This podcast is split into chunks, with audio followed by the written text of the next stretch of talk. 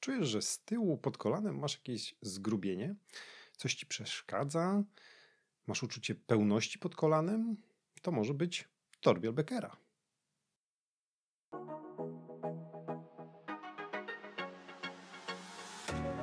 Witam Cię bardzo serdecznie w 53. odcinku podcastu Ortopedia Moja Pasja. Ja nazywam się Michał Dringa, jestem ortopedą, a w podcaście omawiam problemy ortopedyczne, pokazuję jak pracuję, czym kieruję się, proponując konkretny sposób leczenia oraz jakie są jego alternatywy i możliwe powikłania. Jeśli interesujesz się ortopedią, szukasz rozwiązania swojego problemu po urazie lub uczysz się ortopedii, koniecznie wysłuchaj tej audycji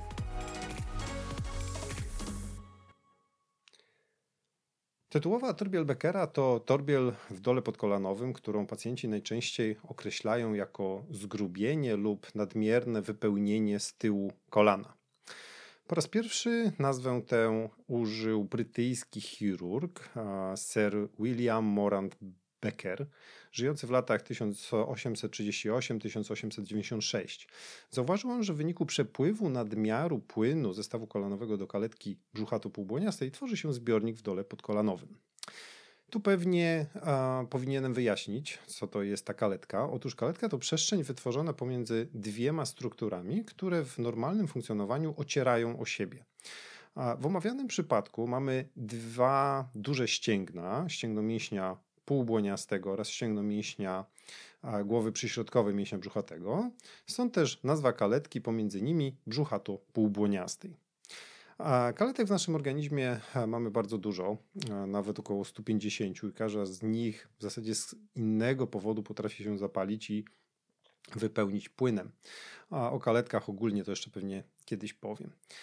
Spostrzeżenie Beckera sprzed ponad 100 lat jest nadal aktualne, bo nadmiar płynu zestawu kolanowego przepływa przez istniejące połączenie w tylno-przyśrodkowej części torebki stawowej do istniejącej kaletki. Tam się gromadzi i niestety nie ma jak wrócić do stawu, gdyż wspomniane połączenie jest formą wentyla przepuszczającego płyn tylko w jedną stronę. Z powyższego wynika, że torbiel Beckera to objaw, a nie choroba sama w sobie. Mm, jest objawem chorującego stawu kolanowego i w nadmiarze wytwarzanego tam płynu stawowego.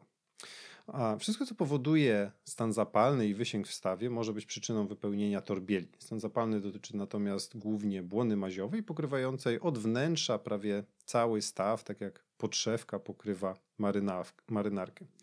A zapalona błona maziowa z kolei produkuje większą ilość płynu stawowego, który, którego jednak skład i właściwości no, odbiegają w tej sytuacji od ideału.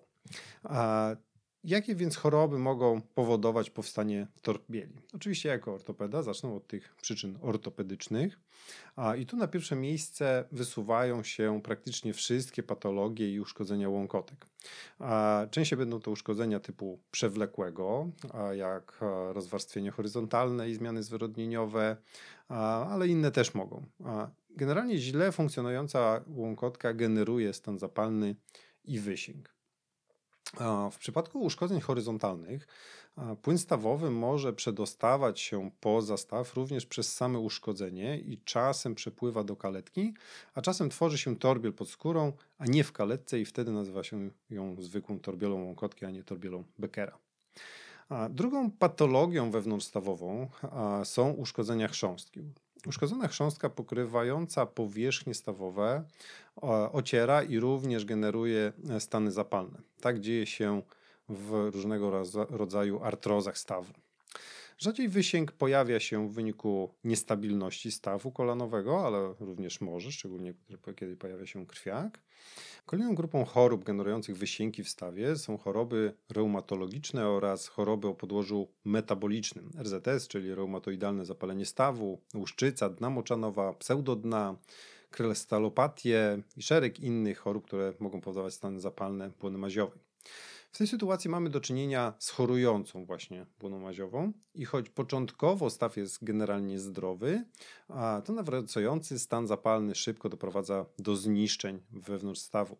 A szukając przyczyn takiego stanu zapalnego współpracujemy z internistą, z reumatologiem, z endokrynologiem, no i koniecznie z dietetykiem. Analizując dalej, wysięg może być spowodowany infekcją tym przypadku wypełnienie kaletki będzie pewnie najmniejszym problemem, a z drugiej strony bakterie zalegające w kaletce skutecznie utrudnią lub nawet uniemożliwią leczenie e, stawu. No i na koniec muszę jeszcze wspomnieć o chorobach nowotworowych, bo też mogą powodować wysięki, no i wypełnienie torbieli, ale to wypełnienie w tym przypadku pewnie będzie najmniejszym problemem i raczej się zajmiemy chorobą podstawową. W diagnostyce torbieli Beckera często wykonuje się badanie USG. To fajne, szybkie, proste badanie, coraz częściej wykonywane przez lekarza bezpośrednio w gabinecie. A dzięki temu badaniu lekarz z tak zwanego pierwszego przyłożenia potrafi znaleźć torbiel. No i dobrze. Czy jednak badanie USG odpowie nam na pytanie o przyczynę powstania torbieli? Część patologii znajdzie, a część niestety nie.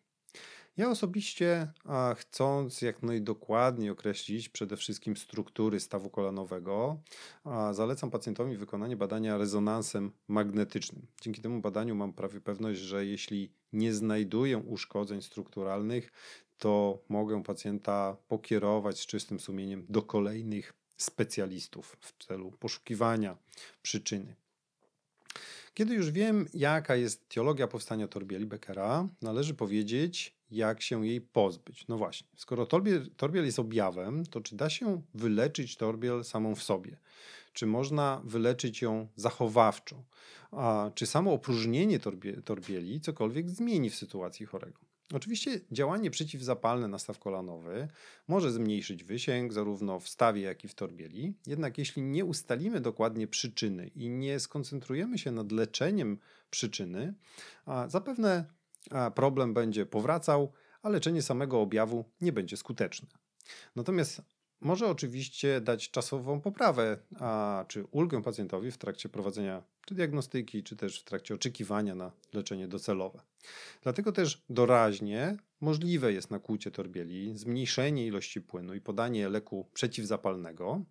A oprócz tego możemy pacjentowi zalecić zmniejszenie aktywności, mniejszą eksploatację stawu, unikanie forsownych ćwiczeń oraz zastosować zabiegi fizykoterapeutyczne, jak na przykład pole magnetyczne czy ultradźwięki. Musimy jednak mieć świadomość, że raczej nie będzie to leczeniem docelowym i z czasem torbiel znów wypełni się, gdy przyczyna pozostanie. Leczenie torbieli Beckera jest uzależnione od ustalonej przyczyny jej powstania. Jeśli przyczyną jest uszkodzenie łąkotki, to tę łąkotkę trzeba naprawić, a torbiel usunąć. Podobnie będzie przy każdym innym uszkodzeniu wewnątrzstawowym. Natomiast samego usuwania torbieli sposobów mamy kilka. Ja obecnie zazwyczaj sięgam torbieli, wykorzystując posiadane dostępy artroskopowe do stawu kolanowego. Przechodzę kamerę na tył kolana i otwieram tak zwaną zastawkę prowadzącą do torbieli, a następnie przy użyciu shavera mogę usunąć całą zawartość oraz ścianę torbieli. Torbiel można usunąć również od tyłu, kładąc pacjenta na brzuchu i tu znów możemy to zrobić endoskopowo lub klasycznie, wykonując cięcie skóry na kilka centymetrów. A kiedyś istniała taka tendencja do zaszywania połączenia pomiędzy kolanem a przestrzenią podkolanową po usunięciu torbieli. No, miało być szczelnie. Dzisiaj raczej zostawia się tam szeroko otwartą przestrzeń, aby nie powstawał mechanizm zastawkowy i aby płyn mógł się przemieszczać swobodnie pomiędzy kolanem a no, tak czy inaczej przestrzenią kaletki.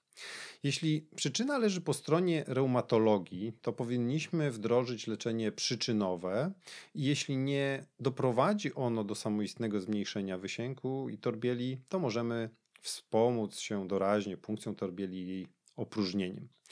A podobnie przy rzucie dny moczanowej. Wdrożenie mocnego leczenia przeciwzapalnego oraz punkcja stawu i torbieli daje często ulgę cierpiącemu pacjentowi. Jeśli jednak nie doprowadzi on do obniżenia poziomu kwasu moczowego w organizmie, najlepiej poprzez zmianę diety, no to wysięki znów się pojawią i z czasem dojdzie do destrukcji stawu. Zastanówmy się jeszcze, czy posiadanie torbieli Beckera może być niebezpieczne.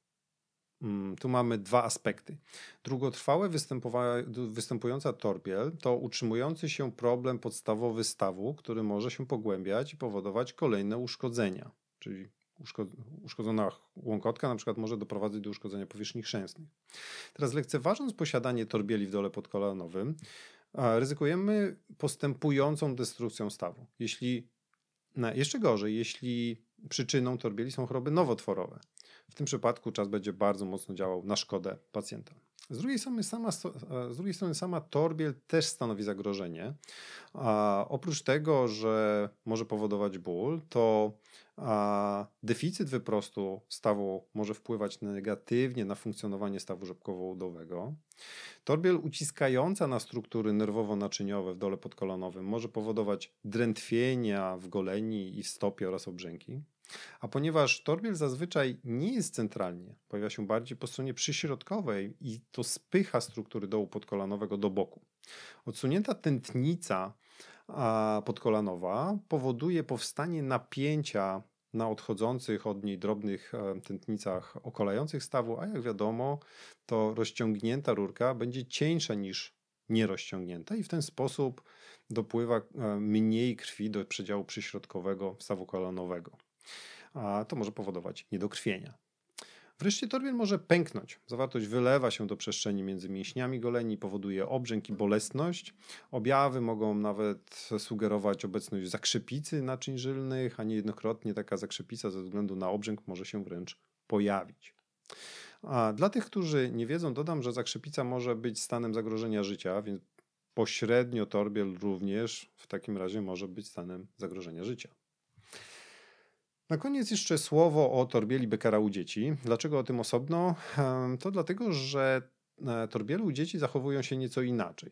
E, zazwyczaj nie bolą, nie powodują dyskomfortu, nie zmniejszają zakresu ruchomości w stawie. Co więcej, zazwyczaj nie mają powiązania z żadnymi innymi chorobami stawu kolanowego i nie znajdujemy żadnego wysięku w stawie kolanowym. Pojawiają się już bez takiej, można powiedzieć, ewidentnej przyczyny. Postępowanie u dziecka sprowadza się do diagnostyki stawu, aby wykluczyć oczywiście możliwe patologie strukturalne. A możliwe jest jednokrotne odbarczenie torbieli, jeśli dziecko jest na tyle duże, że przetrwa ukłucie igłą w dole podkolanowym. Zazwyczaj jednak docelowo konieczne jest artroskopowe lub chirurgiczne usunięcie torbieli. No i to chyba tyle na dzisiaj. Mam nadzieję, że materiał się podobał. Jeśli tak, to zapraszam do subskrybowania i polubienia mojego kanału. Zachęcam też do zostawienia komentarza lub oceny, bo wtedy uda mi się z tymi treściami dotrzeć do jeszcze większej ilości pacjentów może im w czymś pomóc. Pozdrawiam serdecznie i do usłyszenia.